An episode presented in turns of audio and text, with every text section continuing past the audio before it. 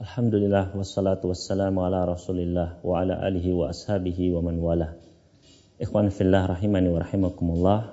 Terkadang di dalam kehidupan kita, di dalam keseharian kita, kita tergoda untuk mengambil, untuk mendekati harta yang diharamkan oleh Allah Subhanahu wa taala.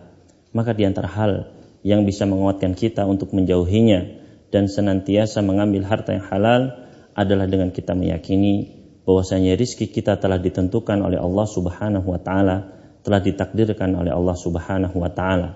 Bahkan ketika kita berusia empat bulan di dalam rahim ibu kita, maka rizki kita telah dicatatkan oleh malaikat yang diutus oleh Allah Subhanahu wa taala.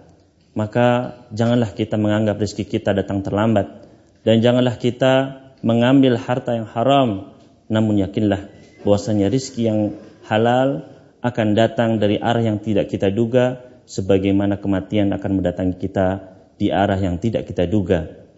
Nabi wasallam pernah bersabda, "Inna rizqa la yatlubul 'abda kama yatlubuhu ajaluhu." Sesungguhnya rizki seorang hamba akan mencari dirinya sebagaimana kematian akan mencarinya, maka yakinlah bahwasanya ketika kita bertakwa kepada Allah, maka maka rizki yang halal akan mendatangi kita di tempat dan arah yang kita tidak duga. Wassalamualaikum warahmatullahi wabarakatuh.